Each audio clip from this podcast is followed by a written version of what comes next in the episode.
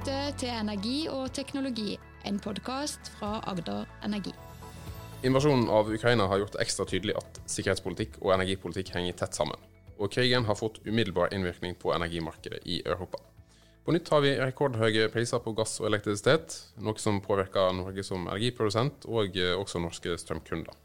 I denne episoden så snakker vi om hvordan invasjonen påvirker energimarkedet akkurat nå, og hva som kan bli konsekvensene for energipolitikken på kort og lang sikt. Mitt navn er Harald Wengen, og jeg ønsker velkommen til en ny episode av Energi og teknologi. Mitt navn er Jon Erling Fondeløp. Jeg jobber i Energi Norge, som er interesseorganisasjon for fornybarnæringen i Norge. Dvs. Si både kraftprodusenter, nettselskap, strømleverandører og fjernvarmeselskap. Vi har ca. 300 medlemsbedrifter i Norge. Jeg sitter i Brussel og har for tiden ansvar for kontoret vårt her i Brussel. Og jeg følger tett med på både energipolitikk og regelverksutformingen i EU. Og jeg heter Morten Askeland, og jeg jobber i kraftforvaltning i Agder Energi som porteføljeforvalter. Min jobb det er å kjøpe og selge kraftkontrakter. Da begynner jeg med et uh, spørsmål til Morten. Hva er det som skjer i det markedet du følger nå? Altså Det som skjer, er jo at uh, en er redd for at uh, gasseksporten fra Russland skal stoppe opp til Europa. Og da stiger gassprisene kraftig. Og en er også redd for oljebortfall. Og når gassprisene stiger, så blir det veldig dyrt å produsere strøm i Europa. Og Norden er kobla på det europeiske kraftmarkedet med mange kabler, så det blir veldig mye eksport. Og da stiger prisene, særlig i Sør-Norge, da. Og det, det, har vært et markant uh, skifte etter uh, 24.2. Uh, ja. Det, det har det. Uh, strømprisene i Sør-Norge ligger nå på rundt om to kroner kilowattimen akkurat nå. Og det er jo selvfølgelig umulig å si om de skal opp eller ned på kort sikt. Men uh, med den usikkerheten det er i gassmarkedet spesielt, så, så, har det kommet opp på et nivå, og vi forventer at det skal ligge ganske høyt en god stund fram til disse problemene er løst. Og I Tyskland og Europa så har det steget enda mer. Så der ligger jo kraftprisene nå, as we speak, på 3-4 kroner kilowattimen. Så det er andre som, som, har det enda dyrere enn i, i Norge. Men litt, hvis vi skal gå litt lenger inn i den koblingen mellom gasseksport fra Russland og kraftproduksjon, strømproduksjon i Europa, hva kan du si om det? Ja, altså Europa importerer vel ca. 40 av, av gassen sin fra Russland. Og eh, elektrisitetsproduksjon med gass det er vel kanskje rundt om 20% i Europa. Og hvis ikke Europa får denne gassen, ja, da, da har de kanskje ikke nok eh, gass til å produsere nok elektrisitet. Og og prisene blir da veldig høye. Kanskje må de stenge ned uh, industrien for å klare å komme seg gjennom dette her, da. Og litt av hvordan de europeiske landene skal respondere på denne situasjonen, det er jo noe du følger tett fra din posisjon i Brussel, eh, Jon Erling? Ja, det kan si det preger jo egentlig både gatebildet og nyhetsbildet. Og det første man ser er jo hvordan Eh, hvordan man evner å samarbeide, altså hvordan dette på en måte eh, mobiliserer til handling sammen. Eh, nå sitter jeg på kontor som er rett ved siden av EU-kommisjonen, så jeg ser for så vidt bort på kommisjonen ut fra vinduet her. Og, og det preger jo også gatebildet. Alle, alle, føler med Ukraina. Det har vært en del markeringer utenfor kontorvinduet mitt her, men også ser man jo møtefrekvensen. Det ene toppmøtet avløser det andre. For Norges eh, del så vi hadde statsminister og klima- og miljøminister eh, på besøk i Brussel 23.2, eh, som da var dagen før invasjonen i Ukraina.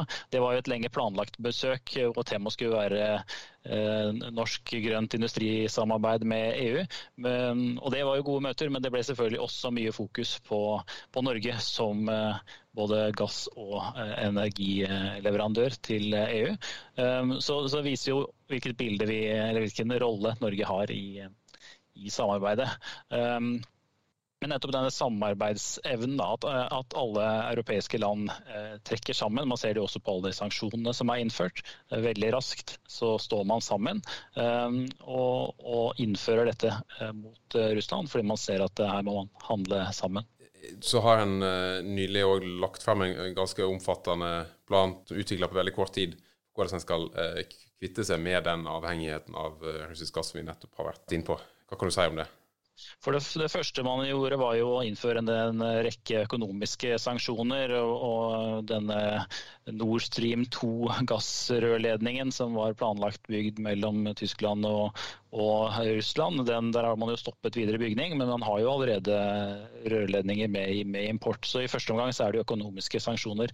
Um, men så ser man jo hvordan dette skal Hvordan kan man jobbe videre med dette. Uh, EU-kommisjonen eh, e hadde planlagt en såkalt kommunikasjon, altså en, eh, si, en uttalelse om hvordan man skal håndtere de høye strømprisene og energiprisene som har vært i hele vinter. Den var planlagt å komme 2.3. Men den ble utsatt en uh, ukes tid, eh, nettopp eh, for å endre Man måtte endre en del av innholdet etter invasjonen i Ukraina. Så, så det kom 8. mars så kom det da en kommunikasjon som de kalte Repower EU, hvor det står Hovedbudskapet er jo at vi må bli uavhengig av gass- eller energiimporten fra Russland. Nettopp denne importavhengigheten. Så så Der er jo hovedbudskapet. Eh, hvordan skal vi bli eh, importuavhengig? Hvordan skal vi um, bruke hva skal vi si, energien mer effektivt? Energieffektivisering, produsere mer fornybar energi. Men også hvordan man kan spre risikoen ved å se på flere gassleveranser. Så der er ja, Leveransene fra Norge på naturgass er selvfølgelig viktig, men at man også ser til andre land og andre markeder for å, for å spre kildene, sånn at man ikke er så avhengig av Russland. Og Målet er jo da å, å bli uavhengig av gassimport fra Russland innen 2030, eh, men kanskje også tidligere enn det. Og De sier at man kan kutte uh, gassavhengigheten fra Russland med, med, to tredjedeler allerede i løpet av et uh, års tid. Og Det er jo et ganske ekstremt uh, ambisiøst mål, må vi kunne si. Ja, det er veldig ambisiøst, og det er jo helt tydelig at dette kommer til å koste. Altså Visepresident i kommisjonen Frans Timmermans, som er ansvarlig for EUs eh, e Green Deal, altså EUs grønne giv, uh, han sa det jo på pressekonferansen da han la fram at it's going to be hard, it's going to be bloody hard, sa han. Men her må man liksom stå på alle sammen. Og, det, det viser jo Eh, vi har jo jobba for utslippskutt eh, i mange mange år. Eh, klimakrisen har vært der hele tiden. Og det er jo da EUs Green Deal, den grønne giv, som er den sittende kommisjonens pakke på hvordan man skal gjøre om dette. Men når denne invasjonen kom nå for to uker siden, så får det et taktskifte. Altså for nå handler det ikke bare om utslippskutt, men det handler om forsyningssikkerhet. Eh, og så ønsker jo da kommisjonen å vise at eh, da skal vi ikke måtte legge planene vi har om utslippskutt eh, vekk og, og, og tenke annerledes. Da er det tvert imot nettopp Green Deal som er oppskriften da, for denne importuavhengigheten. Men vi må bare få opp farta. Mm. Og De stikkordene 'affordable, secure and sustainable energy' som jeg får denne, den meldinga fra kommisjonen, er jo det som har vært førhånden for energi- og klimapolitikken til EU eh, tidligere. Så vi kan kanskje si at det er bare en omtegning av det som allerede eh, eksisterer. Ja, eh, De setter jo fokus på det, altså Denne kommunikasjonen Repower EU. Eh, den er ikke så veldig lang og den har ikke noe sånn veldig detaljert på hvordan dette skal gjøres. Det er en del mål, men de skal komme tilbake. Eh, målet er at, planen skal være klar før sommeren. Men fokuset er da i første omgang det å, å som jeg sa, spre hvor man får gassleveransene fra. Og så er det energisparing, energieffektivisering. At man bruker mindre energi. Og så er det Utbygging av fornybar energi, solceller på alle tak, bruke varmepumper eh, til å varme opp bygninger istedenfor eh, gass osv. Og, og økt bruk av hydrogen, hydrogenproduksjon både internt i EU og, og, import. Og Der ønsker Norge å spille en viktig rolle med produksjon av hydrogen både til transportsektor, maritim sektor og, og, andre, altså industrien, steder hvor man Eh, bruker gass eller karbon, eh, kull osv. Og, så og kan bruke hydrogen i stedet. og Det vil også kreve mye energi. så Derfor så må man bruke den energien man bruker, mer effektivt. og Det er jo da en del av denne sektorkoblings- og sektorintegrasjonsstrategien som EU også er mye opptatt av. Så er du inne på at det her er jo kommisjonen som har kommet med noen forslag veldig overordna, først og fremst for å redusere den gassavhengigheten av, av Russland. Kan vi tar for gitt at det her blir vedtatt på den måten som det er lagt fram. Altså, mange er jo kjent med at beslutningsprosesser i EU kan jo ta sin tid, av, av mange grunner. Ja, det kan det. Men det, det, er vel nettopp også for å vise at her kan vi ikke bare utsette alle prosesser. Den pågående Fit for 55, klar for 55, også 55% utslippskutt. Planen er jo veldig ambisiøs og har veldig stram tidslinje. Og jeg tenker nok at det er nettopp også for å vise at ikke vi på en måte bare skal skyve på all implementering fordi nå har vi andre ting å drive med, nå har vi Ukraina-krisen, men at, at nettopp Fit for 55-regelverket eh, må innføres eh, for å nettopp få den importuavhengigheten som vi nå er på jakt etter. Så Det er rett og slett en måte å si at det, det, gjeldende, altså det regelverket som ligger framme, det skal man bruke. Man må bare få økt fokus på å få det implementert. Og Så er man samtidig helt tydelig på at her må jo alle med. Det må være en, en rettferdig innføring. Og selvfølgelig vil det smerte at det er så høye energipriser for, eh, for, alle. Så det at det er støtteordninger til eh, både befolkningen som har, får veldig høye priser, til bedrifter som får mye høyere energipriser enn eh, før, det må også følge med. Så må man bare ikke innføre begrensninger eller endringer i strømmarkedet som dermed gjør at du hindrer investeringer i fornybar energi f.eks. For så det er jo viktig at når, hvis man ser på hvordan markedet er utforma, så så, må du ikke eh, sette hva skal vi si, faste priser og, og sånn. Eh, at eh, kraftmarkedet fungerer selv om prisene er høye. og Kraftmarkedet må derfor få lov å fortsette å fungere uten at man setter, går inn med politisk inngripen. For Det har vært en del land som har tatt til orde for å ha makspriser eller å regulere prissettinga på, på strøm fordi det er så høye strømpriser. Faren ved det er jo at du får investeringer som Altså, altså du ikke, eh, ikke, blir motiverende å investere for fornybar energi. At du um, ikke får insentiver til energieffektivisering og energi, energisparing. Uh, og at uh, hvis du setter en fast høy pris, så er det kanskje andre som tjener penger enn det du ønsker. Så, dette vet jo kommisjonen godt, og ACER kommer med en rapport nå i april om hvordan markedsutforminga er under systemet nå, og det står det også i denne Eh, planen som kom 8.3, mars, at eh, man skal legge den ACER-rapporten til grunn når man ser på hvordan markedet hvis man, hvis man, skal gjøre noen endringer i markedsutforminga. Mm. I Norge har vi hatt en sånn strømstøtteordning pga. det høye prisnivået her. Og i Europa, der prisnivået har vært enda høyere, så har det jo vært en rekke tiltak i, av forskjellige arter i forskjellige land. Du kan kanskje si litt om hvordan landene har, håndtert den situasjonen?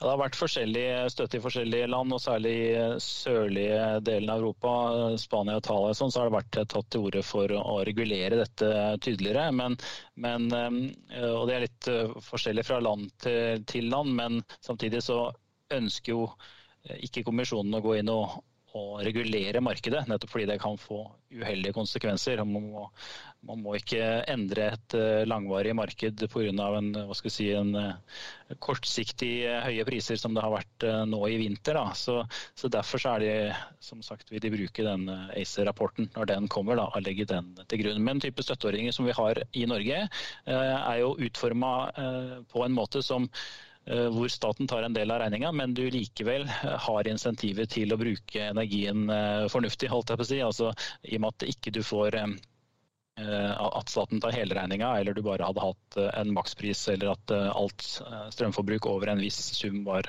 dekka av staten. Da ville du ikke fått insentiver til, å, til energieffektivisering, f.eks.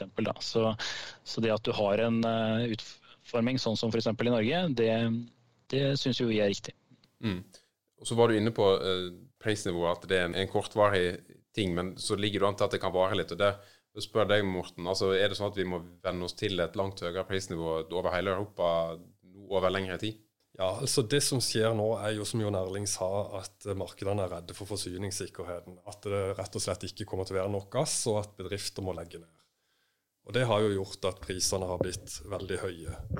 Og det det, det, markedet er redd for, er jo at f.eks. gassrørledninger skal bli bomba, eller at Putin skal velge å stoppe gasseksporten.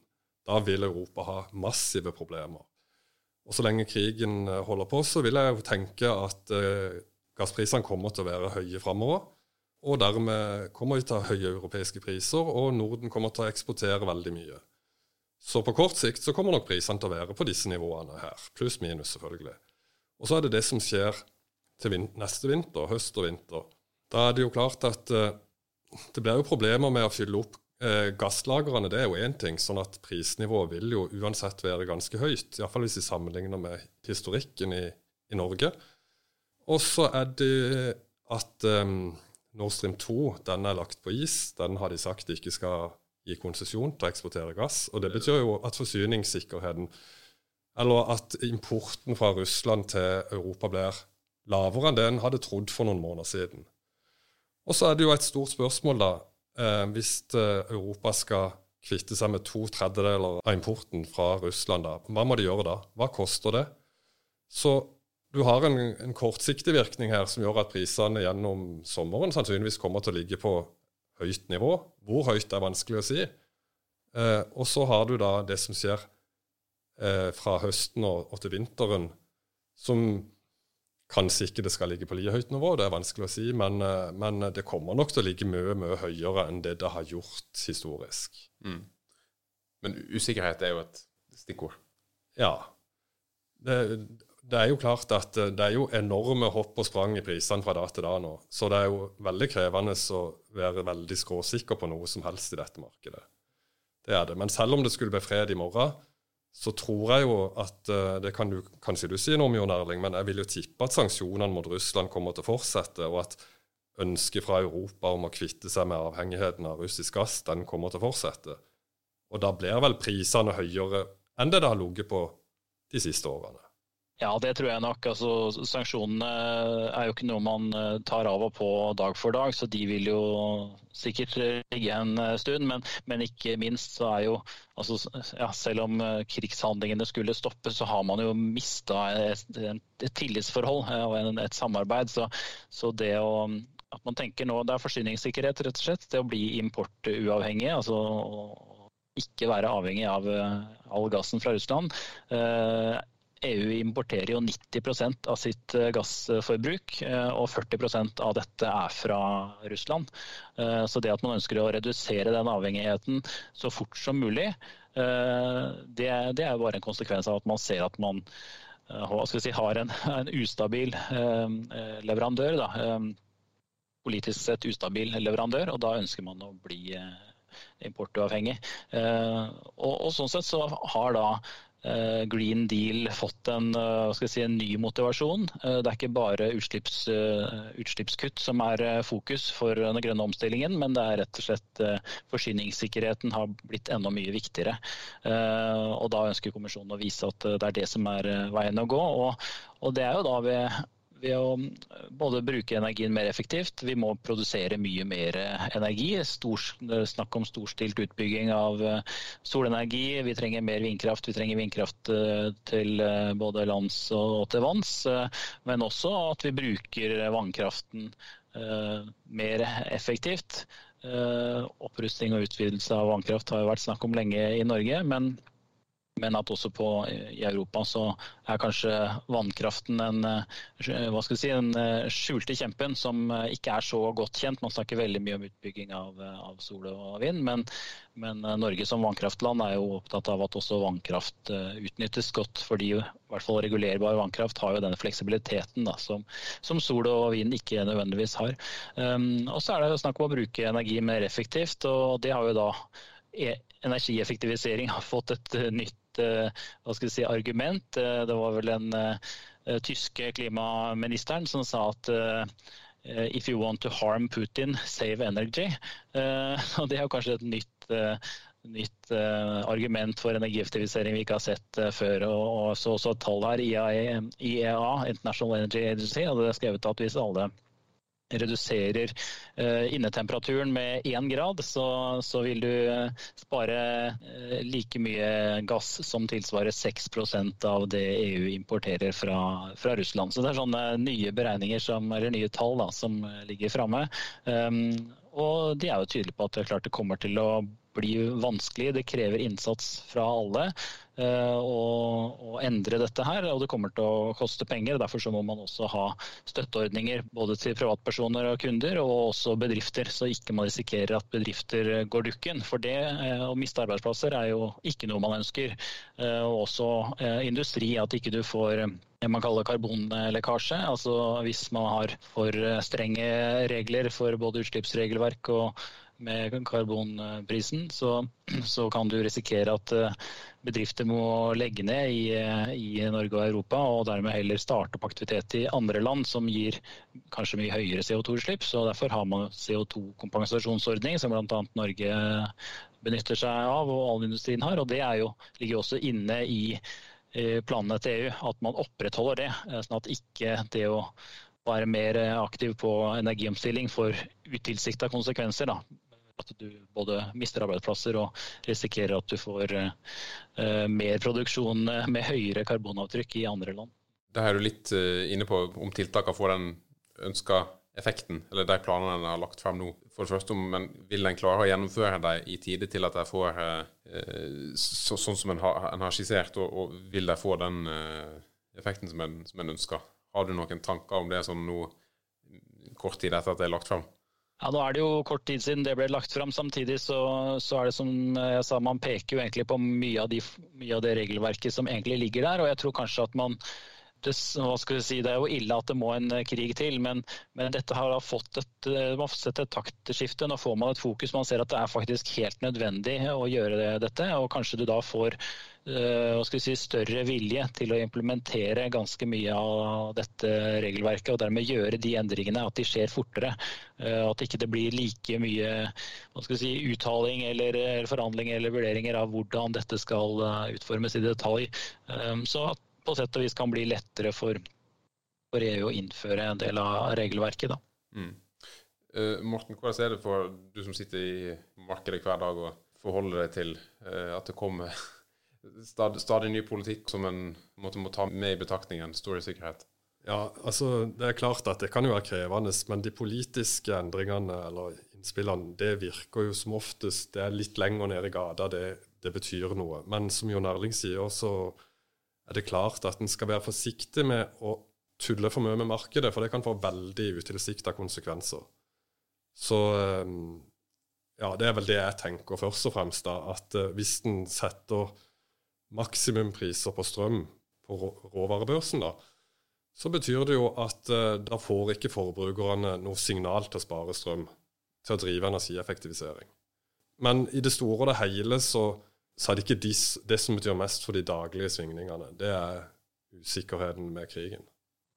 Og du ser jo også at det er, uh, Et av forslagene er jo hvordan man kan si, se på den superprofitten som en del av, av eh, kraftprodusentene har. Altså når, når, strømprisene går veldig høyt opp, så er det jo en del kraftprodusenter som da tjener mer penger enn det man hadde beregna å gjøre. Og der, der, er det jo både flere stater som har foreslått, og også EU sett på nå, at man, man måtte se på om det er mulig å omfordele disse uh, hva skal vi si, uventet høye inntektene. Um, og det, det er jo der skal man passe seg så ikke man eh, tar for mye av det, for da kan du også ødelegge stimuli til å bygge ut mer fornybar energi. Samtidig som det er eh, forståelig og legitimt at eh, når noen da tjener veldig mye mer enn planlagt, eh, og de som jo betaler dette er, er, forbrukerne eller bedrifter, så må man se på en omfordeling her. og Det er for så vidt noe av det vi allerede gjør i Norge, da, med at vannkraften har en egen beskatning av grunnrenteskatt, fordi man på en måte bruker av, av fellesskapets goder når man produserer vannkraft. og dermed så går det tilbake til, til fellesskapet. Eh, I, I, Norge er jo også da vannkraften veldig ofte eid av, av stat og kommune. så Sånn sett går, eh, går også inntektene fra selskapene tilbake til kommunekassa. Men, eh, men at for fornybarprodusenter så, så vil det nok kanskje komme noe regulering her. og Der er det selvfølgelig mange som følger veldig med på det. Men at det en sånn omfordeling da skjer på en, en måte som ikke ødelegger stimulering til utbygging, videre utbygging av eh, fornybar kraftproduksjon. Det er jo veldig viktig, for, for, da får man det motsatte av det man ønsker. Eh, for det er veldig viktig for EU at det nå eh, bygges ut mer kraftproduksjon? Skal man, skal man fase ut gassavhengigheten og samtidig elektrifisere mest mulig? fordi det er også en del av å bruke energi mer effektivt. Det er å bruke, bruke strøm istedenfor å bruke fossile motorer. Da må du ha, ha mer krafttilgang, og da må du også stimulere til de nye kraftprosjektene. Ja, og det, det er jeg jo helt enig i. og En konsekvens av hvis det, nå EU nå ønsker å eh, kvitte seg med importavhengighet av russisk gass, det er jo at en må bygge ny, mer ny fornybar. Og jeg tenker For oss i Norge så er det jo klart at dette vil jo gi en voldsom boost til offshore vind i Nordsjøen, vil jeg tro. For der har du en mulighet til å få inn store mengder energi. Så jeg tipper jo at eh, det som skjer nå, iallfall kommer til å gjøre det mye mer aktuelt å gå i gang fort med dette. Jeg vet ikke hva du tenker, Jon Erling? Jo, det, det, tror jeg jo. Samtidig, altså, Offshorevind, eh, havvind, har stort potensial både i Norge og Europa. Det er jo store, stor aktivitet eh, i Nordsjøen.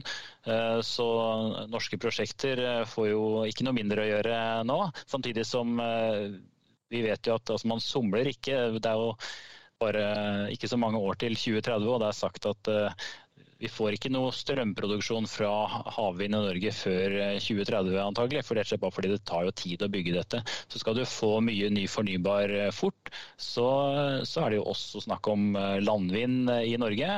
Og det har jo også vært en, en, en dreining på det i det siste.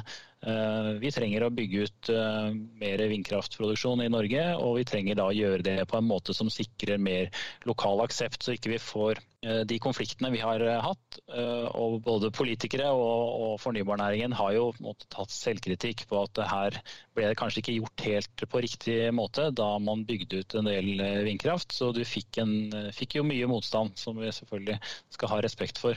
Så at ved utbygging av ny, ny landvind, altså ny vindkraft på land, så, så, må vi ha bedre lokal forankring. Vi må ha, sikre at mer går tilbake til eh, lokalsamfunnet. I, form av eh, si, både arbeidsplasser og, og, inntekter, sånn som det jo skjer på vannkraft eh, i Norge. Der har jo både Energi Norge og, og, andre kommet med innspill til hvordan det kan gjøres. Og jeg så For ikke mange dager siden at jeg så statsminister Støre var ute og snakka om nettopp det, at vi trenger å bygge ut, bygge ut vindkraft på land. Og, og, og sånn sett så er denne endringen eh, her kanskje også noe som bidrar til at man, man ser nytt på en del, en del, planer. At man må, vi må bygge ut fornybart mange steder. Og også i Norge vil det da gjelde vindkraftutbygging. Så vil du også få stor utbygging av solkraft, sikkert både i Norge, men også hele, særlig på EU. da, uh, Særlig nedover kontinentet, med mye solkraftutbygging.